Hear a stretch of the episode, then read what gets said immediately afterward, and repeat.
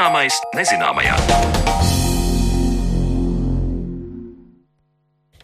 Esiet sveicināti! Skanēt sāk redzījums zināmais nezināmajā un ar jums turpmāko stundu kopā Sandra Kropa. Šodien redzījumā palūkosimies vēsturē, precīzāk vērsīsim skatu uz 1918. gadu. Ja citās valstīs tas vairāk atmiņā palicis kā laiks, kad beidzās Pirmais pasaules karš, tad Latvijas vēsturē, protams, tas bija lielais pagrieziena punkts, kad tiek dibināta tautas padome. Kādi notikumi un diskusijas virmoja to laiku partiju starpā tautas padomē, to sīkāk skaidrosim šodien redzījuma otrajā daļā. Līdz tam palūkosimies, kāda bija cilvēku sadzīve Latvijā 20. gados un kāds vēl notikums pāršalca pasauli 1918. gadā.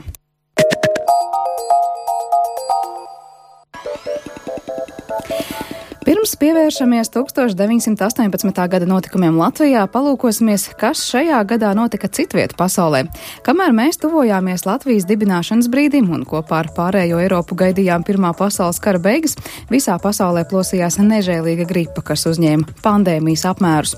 Spāņu gripas dēļ dzīvību zaudēja gandrīz 5% pasaules iedzīvotāju, un ar to laikā no 1918. līdz 1920. gadam slimoja katrs trešais pasaules iedzīvotājs iedzīvotājs.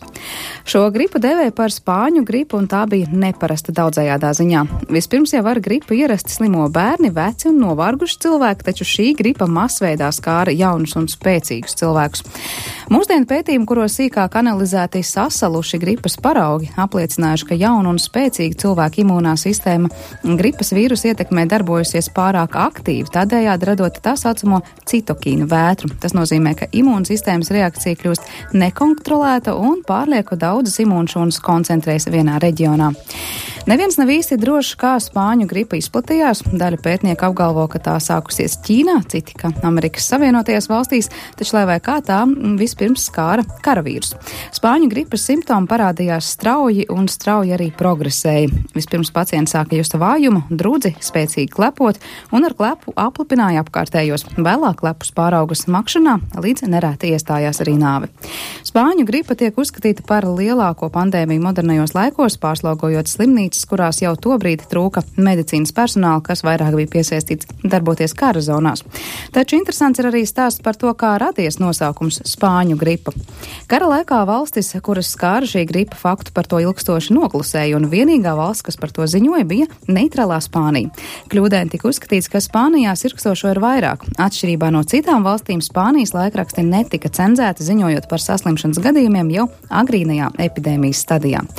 Vairāk par spāņu gripu varat lasīt portālā History.com, taču raidījuma turpinājumā pievēršamies kādam daudz priecīgākam notikumam 1918. gada Latvijā - Tautas padomas dibināšanai.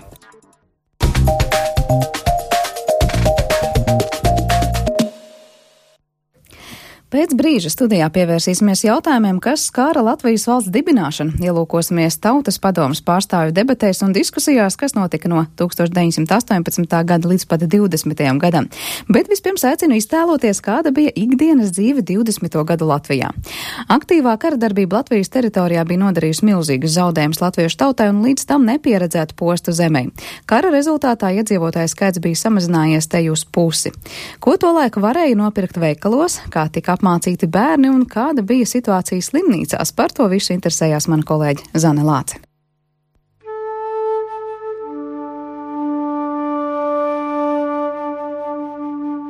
Lai arī 1918. gada 11. novembrī beidzās Pirmais pasaules karš un 18. novembrī Rīgā tiek proklamēta Latvijas republika, tomēr jaunajai valstī attīstīties kavē gan kara sekas, gan tām sekojošās divus gadus ilgās atbrīvošanas cīņas, iesākumā ar Vācu okupācijas karaspēku un pēc tam ar Krievijas sarkano armiju. Kāda bija dzīve un ļaužu noskaņojums Pirmā pasaules kara beigās Latvijā, to jautāju Latvijas kara muzeja starpkaru vēstures nodaļas vadītājai Barbai Ekmanei. 17. gadā pēc februāra revolūcijas, kas ir 17. gada sākums, tas lielais tāds, nu, cilvēku intereses vilnis ir par to, ka tagad būs iespējama demokrātiska valsts attīstība. Ir visi šie saukļi par brīvu Latviju, brīvā Krievijā. Nu, tas ir tas, ko izmaina oktobra apvērsums, kad lielnieki nāk pie varas. Jo principā 17. gada pavasarī Krievijai bija izvēles iespēja iet normāls, demokrātisks valsts attīstības ceļu kas būtu pilnīgi cits 20. gadsimta vēstures variants. Un tajā laikā, jā, ir šis cilvēkiem tas pacēlums, ka tagad mēs paši daudz ko lemsim, notiek pašvaldību vēlēšanas gan miestu līmenī, pagastu līmenī, pilsētās tiek izsludināts, kur jā, ļoti daudz teiksim, ir tās situācijas, kad vairākumu gūst uh, šie sociāli demokrāti, kas tajā laikā jau pamazām kļūst par lieliniekiem, jau partijas ceļās. Ja. Vienkārši ir šī ticība, ka paši varēs lemt savas lietas.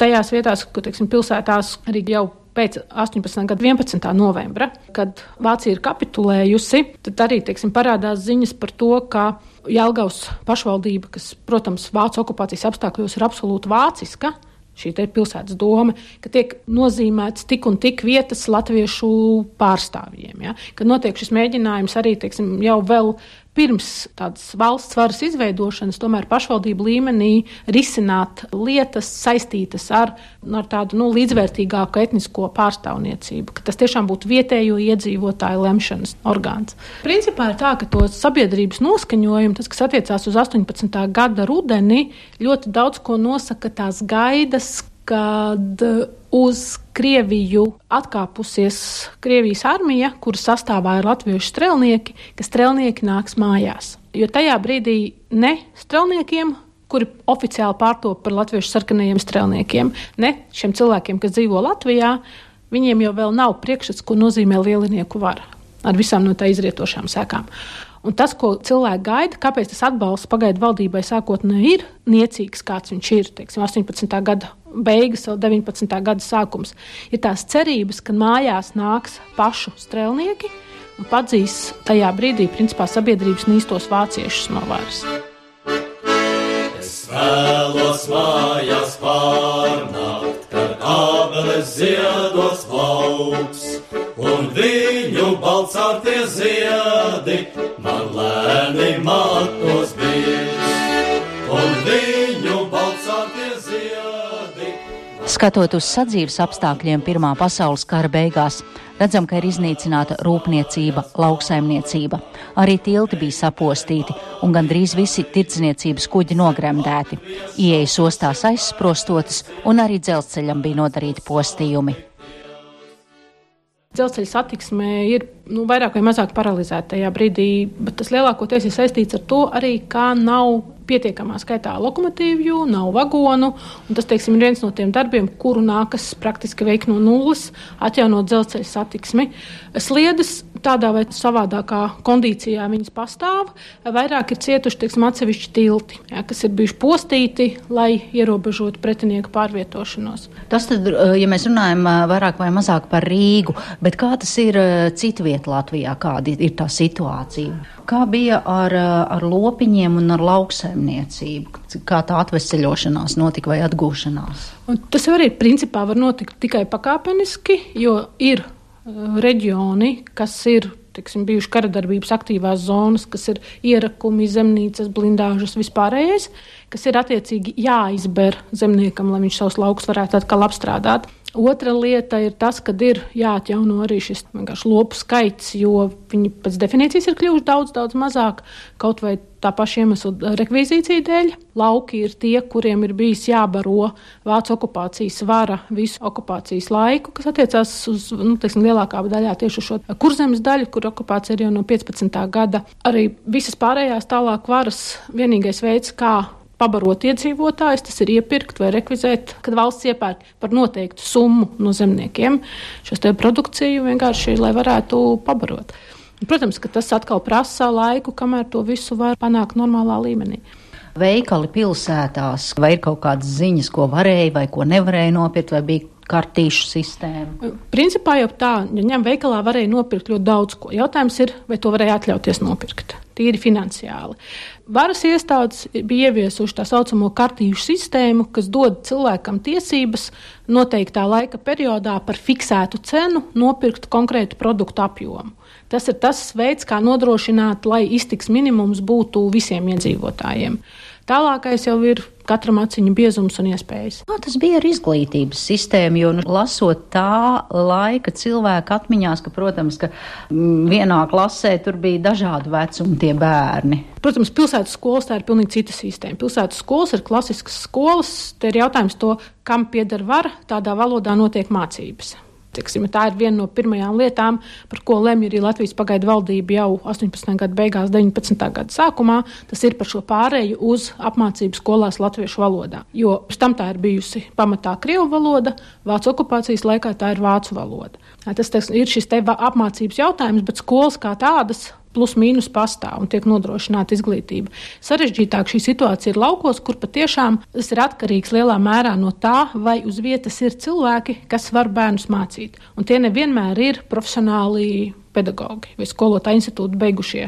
Tiksim, ir ziņas par to, ka tas var būt kāds draugs darbinieks, perminders, ērģelnieks, kurš ir ieguvis vienkārši izglītību kā tādu, un kurš tad savā vai kāda cita privātajā mājā organizē šo bērnu apmācību. Es lasīju vienas meitenes dienas grāmatu, kas jau ir teiksim, 19. gada maijā kur tieši ir aprakstīta šī situācija, kā vienā no, tas ir Kalnciem rajons, kā vienā no mājām sanāk bērni, viņas mamma ir tā, kas ir šī skolotāja, bet kur vienkārši šī viena sieviete arī nodrošina apkārtnes bērniem vismaz pamata izglītību, lai viņi iemācītos lasīt, rakstīt, rēķināt un vispārējo. Droši vien bija arī problēmas ar mācību līdzekļiem, kā jau jūs teicāt, ja pirms Pirmā pasaules kara es pieņēmu, ka lielākā daļa mācību grāmatu bija Krievu valodā, Tad droši vien kara laikā vācu valodā, un pēc tam, ja pasaka, ka tagad mācīsim valsts valodā, tad vajadzēja drukāt grāmatas. Jā, tā, tā ir viena no lietām, ko 19. gadā dara. Tas ir sāk izdot arī pirmās mācību grāmatas.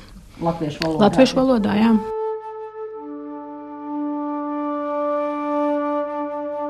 Četros kara gados Latvijas teritorijas iedzīvotāju skaits bija samazinājies gandrīz par miljonu.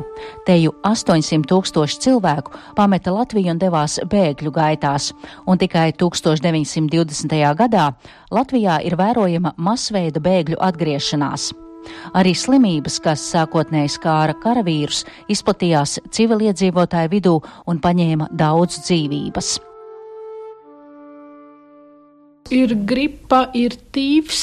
Vienkārši tur, kur ir liels cilvēku koncentrēšanās vietas, tur, protams, infekcijas slimības izplatās ļoti strauji un ātri. Un tāpēc, tiksim, viena no lietām arī bēgļiem atgriežoties Latvijā, viņiem visiem ir jāiziet filtrācijas nometnes tieši tāpēc, lai pārliecinātos, ka netiek ievestas infekcijas slimības. Tas nav filtrēja politisko uzskatu dēļ, kā to dažreiz liekas, ka šāda filtrācijas nometne. Tas ir tāpēc, lai pārliecinātos par šo cilvēku veselības stāvokli. Jo 17. gads epidēmijas ir tiešām ļoti smagas ar, pārpildītām Rīgā slimnīcām, kur ir raksts par to, ka patvērsmes tiek pārvērstas par slimnīcām, lai būtu kur izmitināt ar, ar desmitiem mirušo ikdienas. Ja, tā, tā ir lieta, kurai ir iziets cauri. Tas bija ieskats Latvijas iedzīvotāju dzīvē pēc Pirmā pasaules kara. Ar Latvijas kara muzeja starpkaru vēstures nodaļas vadītāju Barbu Ekmani sarunājās mana kolēģe Zane Lāc. Taču redzījuma turpinājumā ielūkosimies, kādas politiskās diskusijas un strīdi valdīja 1918. gadā dibinātajā Tautas padomē.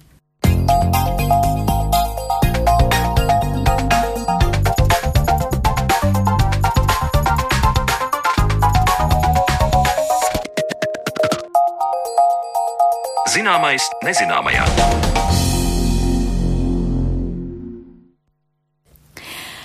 Latvijas kā neatkarīgas valsts pirmie mēneši nebija iedomājami bez divām institūcijām - Tautas padomas un pagaidu valdības. Tautas padoma pastāvēja pusotru gadu, un tās darbība nebija vienkārša. Tolaik valdīja gan politiskā nevienprātība, gan arī apkārt notiekošie nemierīgie procesi, protams, ietekmē Tautas padomas pagaidu darbību.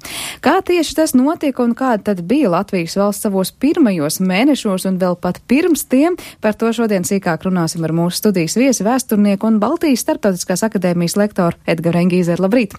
Labrīt! Man ir pašai tāda sajūta, ka parasti tuvojoties 18. novembrim, mēs runājam par valsts dibināšanu un var teikt tā to sākumu pašu par sevi. Tā kā liekas, nu vienkārši tas viss tā notika 18. gada 18. novembrī. Uh, vai mēs varētu patiesībā turpmākajā pusstundā ieskicēt to ceļu līdz tam 18. novembrim un to, kas tad īstenībā padarīja to par iespējamu? Reizēm liekas, ka nu, cik ilgi tad var runāt par to 18. novembru un 11. novembru, un nu, vai gal, galā jau viss nav pateikts. Bet uh, paskato, paskatoties arī, arī sabiedrībā, paklausoties, kā cilvēki domā, jūt un kā viņi stāsta saviem draugiem, to tad. Uh, Nē, Vēl daudz darba, pateikts. jā. nav pateikts, un skaidrošanas darbs, acīm redzam, nekad nevar būt par daudz.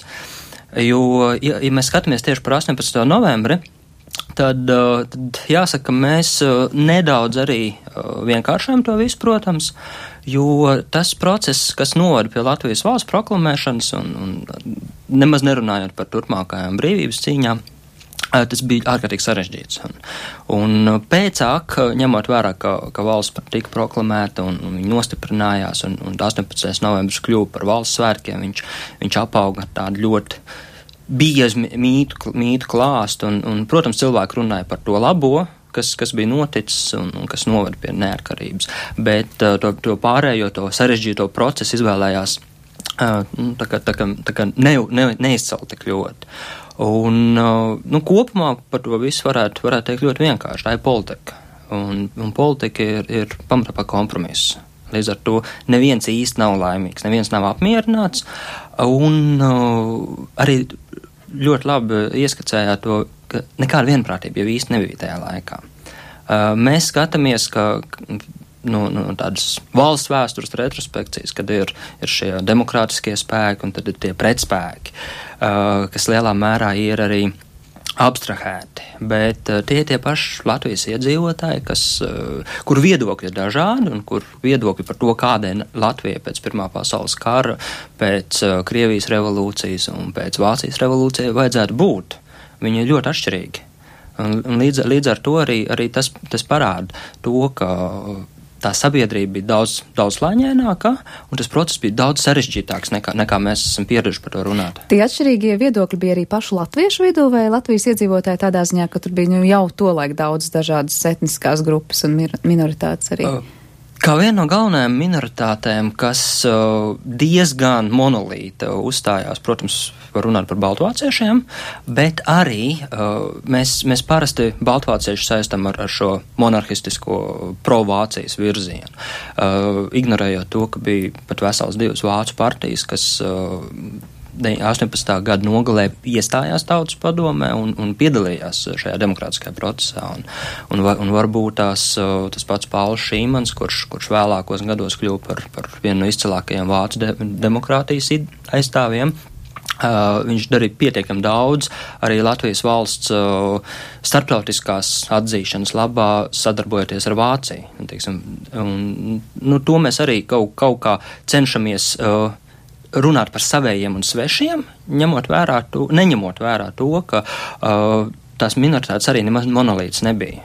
Runājot par, par latviešiem, prota, protams, uh, cik latvieši tik viedokļi, un kā spilgtākais piemērs, manuprāt, ir uh, Zemnieku savienība tajā laikā, un trīs uh, ārkārtīgi spilgti Zemnieku savienības politiķi. Kārlis Ulmans, kurš droši vien komentārus neprasa, uh, bet uh, arī Jānis Čakste un, un Andrijas Niedri bija Zemnieku savienības biedri, un, un pie, vēl pirms uh, Zemnieku savienība nonāca tādā lielākā Kārļa Ulmaņa ietekmē, bija vasarā bija liels kongress, kurā notika izšķiršanās starp Andriju un Niedras politikas atbalstītājiem un Kārļa Ulmaņa politikas atbalstītājiem. Uh, līdz ar to tas, tas ko pēc tam pats Andrē, Andrēs bija spiest rakstīt kā tautas nodevējs, pēc būtības viņš, viņš, viņš bija mūsu latviešu Vinijas pūks, kurš tāpat kā Vinijas pūks dabūja pa visiem lāčiem. Nu, Andrēs Niedra dabūja pa, pa visiem tiem, kas uzskatīja, ka demokrātija nav ilgspējīga priekš Latvijas, un, un jo sevišķi sadarbība ar sociāldemokrātiem. Ulmans uzskatīja, ka sadarbība ar sociāldemokrātiem un, un šī Vācijas revolu, ietekme uh, ir, ir tas ceļš ejams. Un treš, trešais manis minētais Jānis Čaksts, kurš darbojās uh, vispār Krievijā šajā laikā un, un vairāk ir saistīts ar Latviešu pagaidu nacionālo padomi. Mēs redzam, ka, ka vēlāk jau, jau valsts, valstī dibinoties, nodibinoties, ir pietiekami acīm redzams konflikts starp Jānu Čakstu un, un Kārlu Ulmanu. Uh, līdz ar to, uh, jā, viennozīmīgi latvieši nav visi vienoti, bet tieši tāpatās nav arī baltvācieši vienoti. Par citām minoritātēm ir ir, ir grūtāk teikt, tāpēc, ka viņas politiski nav tik aktīvas. Bet, sanāk, jebkurā gadījumā valsts dibināšanas brīdī tas jau bija kompromiss redzējums par to, kādai ir jābūt jaundibinātai valstī. Tas bija kompromiss. Varētu teikt uh, to, ka tas bija kompromiss, kurš īsti neapmierināja Uh, un uh, tā iesaistītās puses, bet uh, jo vairāk tas neap, teiksim tā, pagaidu Nacionālās padomas loceklis, tas neapmierināja krietni vairāk nekā tā, tā saucamā demokrātiskā bloka cilvēks. Un, un, ja mēs skatāmies, kā ar laika atstatumu mēs vērtējam šos procesus, tad, tad ir pāris lietas, ko mēs Uh, profesionāli mēs zinām, bet kā sabiedrība mēs, mēs nepamanām. Pir, pirmkārt, jau visi cilvēki, kas sāk to vērtēt, viņi paši nāca vai no viena uh, flanga, vai no otra. Un līdz ar to tie vērtējumi arī bijušajiem LPNP cilvēkiem par valsts dibināšanas procesu krasi atšķirās no, no, no bijušā demokrātiskā bloka, bloka cilvēkiem. Un, uh, uz šiem vērtējumiem balstās arī turpmākie uh, vēsturnieku secinājumi. Un, un, un, un arī tās leģendas, kas klīst. Tas pats stāsts, kāpēc, kāpēc Jānis Čakste nepiedalījās 18. novembra aktā. Un, un var redzēt, ka, uh, protams, skaidra viņa parakstīta papīra, ka es nepiedalīšos tāpēc, ka nav un, un nebūs un nekad nav bijis, bet, bet, bet skaidrs, ka var redzēt, ka tas uh, stāsts, ka viņš no Jālgavas un Dobelas rajona nevarēja atbraukt vai nepaspēja vai neuzzināja, ka tas ir baltiem diegiem šūts jo, jo var redzēt, ka LPNP uh, locekļi, sevišķi vad, vadība, bija ārkārtīgi neapmierināti. Un, un tas kompromiss nebija, nebija panākts kompromiss. Novembrī uh, tā nedēļa starp uh, Vācijas kapitulāciju Pirmajā pasaules karā un, un 18. novembri pagāja ārkārtīgi intensīvās sarunās Rīgā starp visu partiju pārstāvjiem. Un kompromiss netika panākts. Līdz ar to mēs uh, varam runāt par, par šo uh, pārvirzīšanos, ka vairāk vadošu politiķu vai li, liela daļa no, no aktīvajiem, uh, no LPNP cilvēkiem, atgriežoties Latvijā, uh, pakāpeniski viņi, viņi iekļāvās tajā Latvijas politiskajā aprindās, kas uh, veidojās ap demokrātisko bloku.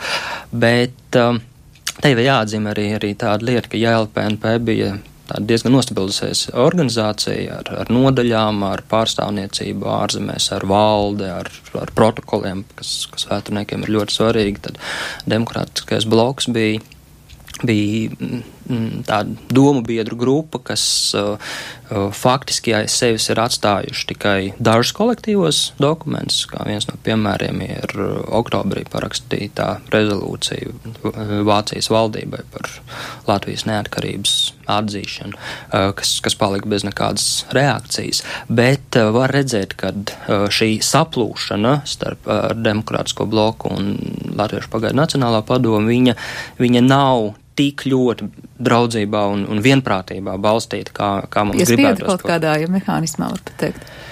Uh, nu, apstākļi, kas spieda varbūt. Var, varētu teikt, ka uh, tā situācija, kad uh, LPNP ļoti veiksmīgi darbojās ārpolitikā, ārlietās, un, un tas radīja vislielāko problēmu uh, arī Kārlim Mūmanim, kad, kad demokrātiskā bloka valda, teiksim, tā, šie, šī vadība uh, izvēlējās dibināt Latvijas valsti, jo uh, bija ar viņiem jārēķinās. Uh, tajā pašā laikā LPNP nebija spējīgi nodibināt Latviju, tāpēc, ka viņi darbojās ārpus, un arī atgriežoties Latvijā, 18. gada vasarā ļoti daudz atgriezās, kad tas kļuva iespējams, tad viņa sadarbība ar Vācu okupācijas režīmu ir nekāda. Tajā pašā laikā demokrātiskā bloka politiķi uh, katrs par sevi, uh, bet uh, viņi atrod ceļu pie, pie okupācijas varas un, un skaidrs, ka nevar dibināt vāru vai valsti, ignorējot to pārvaldi, kas šajā teritorijā ir nostabilizējusies un kas, kas kam, kam ir vara, kam ir spējas un, un kam ir arī kaut kādas starptautiskās saistības un apņemšanās. Līdz ar to tas, kādā veidā Latvija dibinājās, faktiski ir saplūstot divām politikām, bet uh, politiķi, kas viņas bija izveidojuši, uh, nevien, nevienmēr ar, ar to bija ļoti apmierināti, un tāpat galvenā diskusija arī par to, kas tad būs, kas ir tiesīgi proklamēt valsti, jo neviena organizācija nebija vēlēta. Ja mēs runājam par demokrātiskas valsts dibināšanu bez demokrātiskām institūcijām, tas jau tajā, laik, jau tajā laikā bija diskutabli. Uh, bija jautājums par sociāldemokrātiem, kas, uh, kur pārstāvi darbojās demokrātiskajā blokā un darbojās ļoti veiksmīgi Kalniņ, Paul, Pauls Kalniņš un Bruno Kalniņš. Uh, var redzēt arī, ka šo sociāldemokrātu ietekme uz, uz tiem politiķiem, kas bija Rīgā, demokrātisko bloku, bija pietiekami liela. LPNP viņu, viņu nebija. Uh, un uh, jautājums līdz ar to radās arī par šo pārstāvniecību, kad, kā, mē, kā mēs zinām, uh, pamatā diskusija par to, kā tad būvēsies tautas padome, uh, noveda pie 17. gada satversmes, Krievijas satversmes sapulces vēlēšanu rezultātiem. Un sociāldemokrāti, jeb Latvijas sociāldemokrātijā, kā tajā laikā šo partiju sauca, bija ļoti labs rezultāts sasnieguši. Uh, un, un uz, balsoties uz šiem rezultātiem, tad arī sociāldemokrāti sev, sev pieprasīja, un, un viņiem tika, tika gra, grantētas tās, tās daudzās vietas. Bet uh, Latvijas sociāldemokrāti 18. gada vasarā bija sašķēlusies, un tie sociāldemokrāti, kas iegāja tautas padomē, bija ļoti izteikts mazākums. Skaidrs, ka, ka 17. gadā nu, Latvijas sabiedrība tomēr atbalstīja bolševikus zināmā mērā, un, un tas ir jāatzīst, ka, ka gan pagaidu valdība, gan tautas padomu sākotnēji viņām lielas ietekmes uz plašām sabiedrības masām nav. Jā, šeit par eh, plašām sabiedrības masām mums ir agris atrakstījis jautājumu. Pirms es to nolasu, atgādināšu arī pārējiem klausītājiem, ka šodien pie mums viestojas vēsturnieks Edgars Engīzers. Un, ja arī jums ir kādi jautājumi mūsu viesim, tad izmantojiet iespēju sazināties ar mums 6722, 888 un 672, 559 ir tālruņa numurs studijā. Un zināmais at Latvijas radio vai mūsu e-pasts un, protams, Latvijas radio viens mājaslapā varat sazināties ar mums visātrāk, sūtot ziņu ētrā skanošajam raidījumam. Agris Jānis mums raksta tā, kā ar citu tautību iedzīvotājiem Latvijas teritorijā. Tas mazliet par ko mēs jau runājām, bet tālāk. Te taču kara laikā bija lielas jūkas un daudz citu tautiešu, vai tos arī ņēma vērā valsts dibināšanas laikā, vai priekšroku deva latviešu tautības cilvēkiem. Un vēl, ja tajā laikā noteica, kurš, kā tajā laikā noteica, kurš ir pilsonis, kurš nav, bija tādas pašas problēmas kā 91. gadā. Tās lūk, ļoti liels jautājumu kompleksos no Agra. Sāksim ar to, mm, ko ņēma vērā, ko neņēma vērā dibināšanas laikā?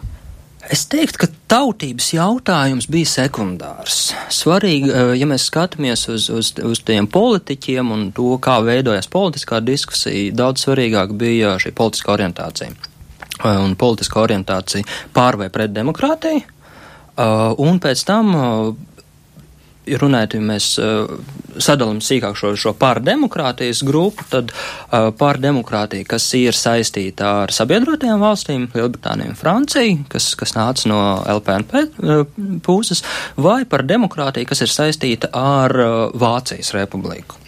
Un, un tas arī ir viens no faktoriem, ko, ko mēs ļoti bieži aizmirstam, ka Vācija uh, 18. gada novembrī ir kardināli atšķirīga no Vācijas Pirmajā pasaules kara laikā un arī no, no turpmākās Vācijas.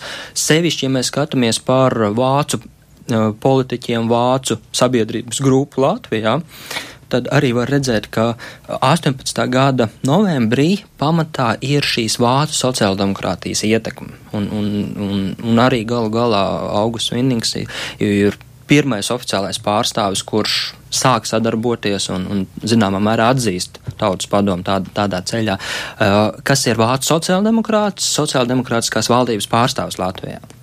Uh, vēlāk, jau, jau brīvības cīņa laikā, uh, viņš nonāk vietējo baltvāciešu lielākā kontrolē, un, kas, kas ir monarhistiski noskaņot uh, pret Latvijas demokrātijas izveidi, saprotot to, ka, ja, ja tiks nodibināta demokrātija, tad viņi kļūst par mazākumu un viņu tiesības var tikt apdraudētas, kā mēs zinām no turpmākā, tas tieši tā arī notika. Uh, runājot par citām tautībām, uh, lietuvieši, krievi, ebreji, uh, viņi lielā mērā šajā politiskajā 18. gada diskursā ne, neiekļaujās.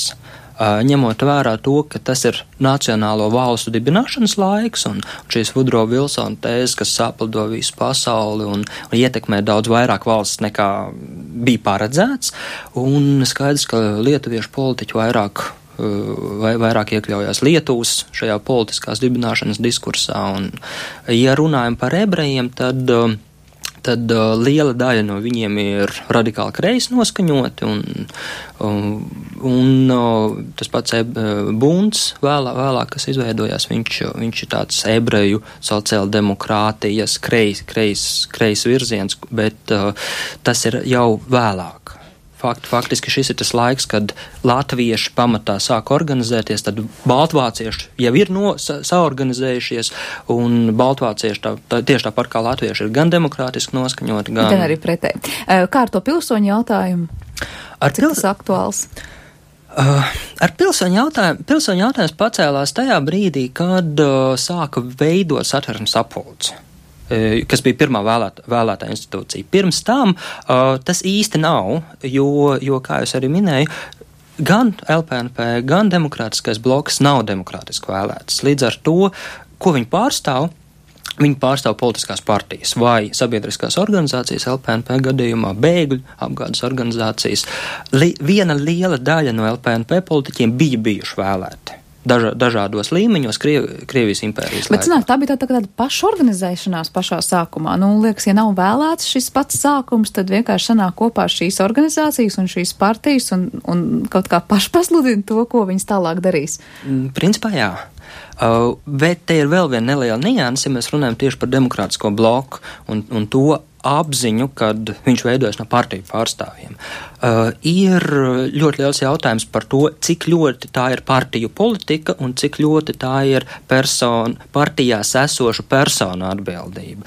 Jo partijas jau viņas nav deleģējušas. Nav, nav kāda partijas lēmuma, kad tagad Jānis Čakste darbosies LPNP, atbilstoši konkrētai politikai. Ja? Un, un Kārlis Ulmans darbosies demokrātiskā blokā. Viņi vienkārši uh, faktiski es teiktu, ka tā ir politiski aktīvu uh, pilsoņu, un kas ir interesanti, liela daļa no, no viņiem bija advokāti. Uh, advokāti un izdevēji, žurnālisti. Ja, ja mēs gribam tādu kopēju, kopējo profilu pateikt, kas dibināja mūsu valsti, tie bija juristi un, un žurnālisti. žurnālisti. Tas skan tiešām ļoti jauki. Madis mums ir atrakstījis vairāk kā komentāru, klausos jūsu raidījumu un jāsaka, nekas nav mainījies, kur trīs latvieši, tur četras partijas, raksturojot laikam pašu to pirmsākumu. Jā, un tas, tas varbūt tās ir tas svarīgākais, ko, ko, ko gribētos izcelt, ka Uh, cilvēka daba nemainās, un tas, ka mēs cenšamies idealizēt šo laiku, uh, tas nav slikti bet tajā pašā laikā vajadzētu arī godīgi paskatīties, ka uh, nu, man, man ķīsai krastos neticēja arī, arī tajā laikā, un tas bija ļoti sarežģīts posms. Runājot par ilūzijām, Kā, kā viens no tādiem spilgtiem piemēriem arī ir tas, ka nu, gal galā kara, min, kara ministra postenis tika nodibināts tikai pēc tam. Uh, brīvības cīņas, gatavojoties 18. novembrim, īsti pat neparedzēja. Jo, jo bija šī apziņa, ka karš ir beidzies, impērijas ir sabrukušas, un tad, tad tagad mēs būvēsim savu, savu Latviju kā die, dieva azotē. Un, un varēja redzēt, ka jau pirmajās nedēļās tas nepiepildās. Un, un ja tavs ieceres nepiepildās, tad, tad tas, tas process paliek arvien sarežģītāks, arvien, arvien, arvien asākiem stūriem, un, un šīs attiecības arī politiķu starpā, viņas, viņas bija pietiekami asas, var kā kā populārākais piemērs ir arī šī, šī pati 17. novembra uh, sēde, ko, ko reizēm sauc par LPNP un Demokrātisko bloku apvienošanos, reizēm sauc par Demokrātisko bloku paplašināto sēdi, un, kur LPNP vadība, uh, Valdemārs Zāmēls un, un Ārvets Bergs, uh, ir uzaicināti, viņi pie, atnākuši šo sēdi, bet, uh, bet klātesošie partiju pārstāvji tā skaitā arī no LPNP atnākušie, uh, tik ilgi diskutē par to, vai viņiem ļaut piedalīties, kādā statusā viņiem ļaut piedalīties, vai viņiem ļaut tur ar balstiesībām vēl, vēl jau vairāk. Uh, ka visu to laiku viņi sēž gaitenī un klausās šo, šo diskusiju, ka nu, arī viņiem šī, šī pašapziņa vienā brīdī saka, viss pietiek, viņi pieceļās un aiziet.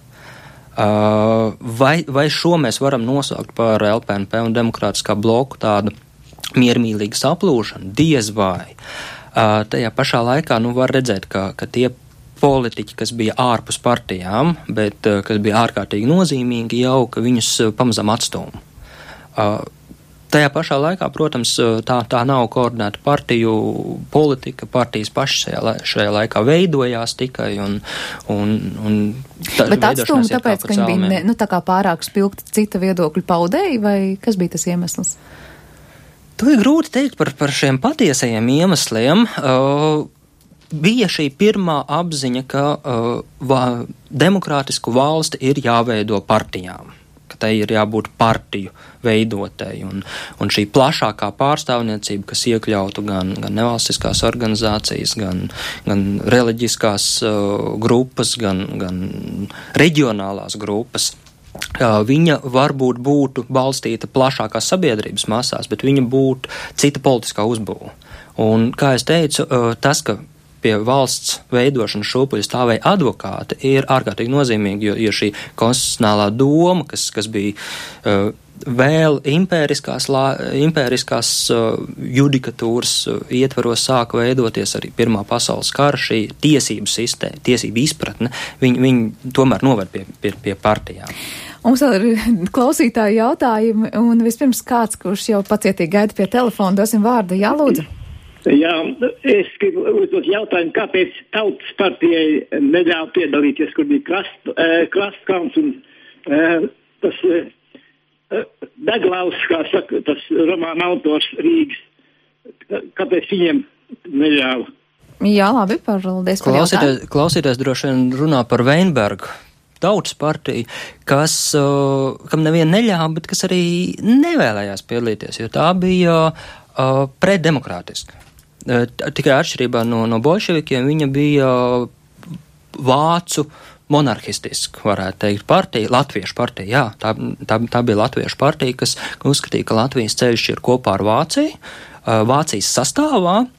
Un līdz ar to viņu dalība neatkarīgas demokrātijas Latvijas izveidā, izveidē nav pamatota ne tikai no pārējām partijām, viņi diezgan absurdi ir, bet arī nu, viņi, viņi pēc viņa paša. Idejas vispār, viņi pretrunā ar to, par ko vispār tiek lēmts. Jā, un tas ir pēc būtības kaut kas līdzīgs, kā tagad ir, ir dažas partijas, kuras kur cenšas veidoties, lai, lai demontētu parlamentāro vai, vai iekārtu Latvijā. Kā, nu, kā saka, visos, la, lai, visos laikos izskatās aktuāli. Vēl mums klausītāji ir atstājuši ziņu jautājot, ar kādu balsu pārsvaru nodibināja Latvijas valsti. Esot lasīts, ka tikai ar mazu balsu pārsvaru, nedaudz virs 50. Par, par balsu pārsvaru šeit vispār nevar runāt. Uh, var runāt par, par vienprātību, uh, bet, uh, bet, protams, šis skaitlis 50, viņš pat ir drusku par augstu. Tauts, pirmie tautas padomas locekļi bija 40. Kopumā tad? Kopumā ir 40, eh, no kuriem 18. Eh, novembra aktā piedalās 36, ja es nemaldos. 36 vai 37. Uh, Jānis Čakste nepiedalās tāpēc, ka viņš nevarēja atbraukt vai negribēja atbraukt, kas, kas manuprāt, ir ticamāk. Uh, un vēl viens, tie, tiešām viens otrs, kas, kas nebija paspējis, bet Bet tas, tas, tas ir mazāk svarīgi. Ja mēs runājam par šo politisko platformu, par tautas padomi kā, kā, kā politisko organizāciju, tad uh, diskusijas par to, vai vajag vai nevajag, šajā gadījumā nav.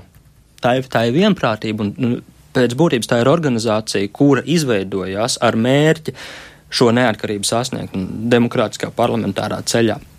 Uh, šī tautas padoma, par ko mēs runājam, tad patiesībā tas ir tāds pirmsākums vispār, kas novada līdz tam 18. novembrim, lai vispār tas būtu iespējams, un savukārt pēc tam darbojas pusotru gadu praktiski, ja tautas padoma sanāk tā kā kopā ar pagaidu Pirmsākums ir 17. gads.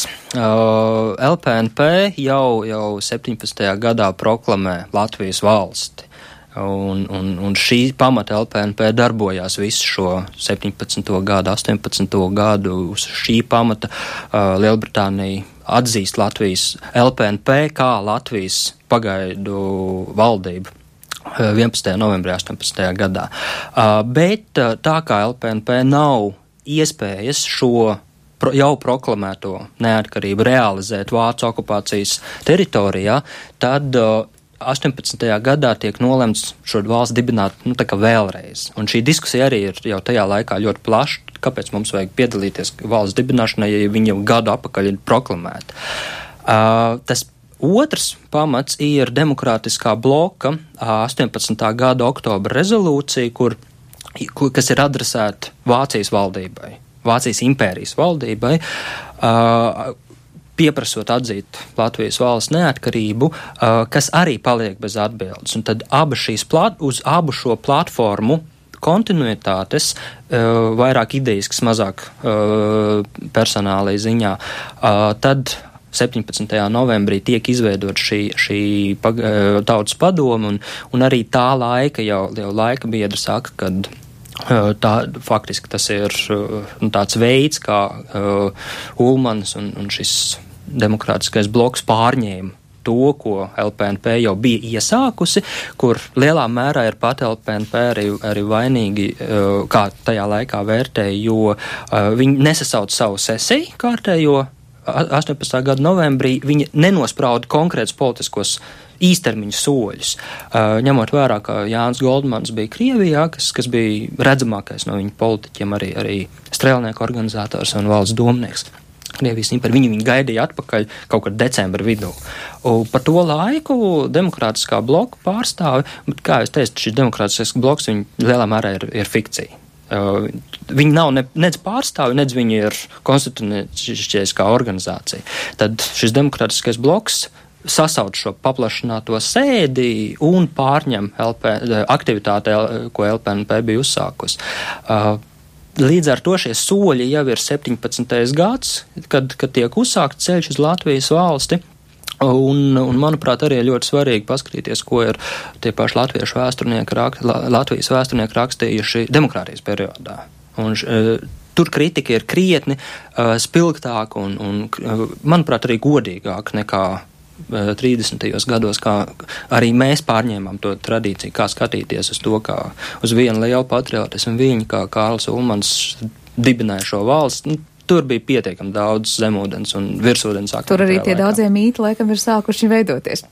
Nu, ko mums šodien ir jāliek punkts sarunai, bet es saprotu, ka vēl citos raidījumos mēs varētu turpināt sarunu par to, kas notiek uzreiz pēc valsts dibināšanas un kā šī tautas padoma patiesībā arī, var teikt, izstrādā tādu kā satversmes, nu, pirms sākuma Pavisam īsi. Tautas padoms darbs ir pamatā satversmes dibinā, eh, veidošanai vēlāk, un, un beigās es vienkārši gribētu, gribētu arī teikt, ka ne, ņemot vērā šo sarežģīto procesu, varbūt tas svarīgākais arī, arī mums šobrīd skatīties uz to 18. novembra tādu apziņu, ka bija smagi, bija grūti, bet beigās jau viss beidzās labi.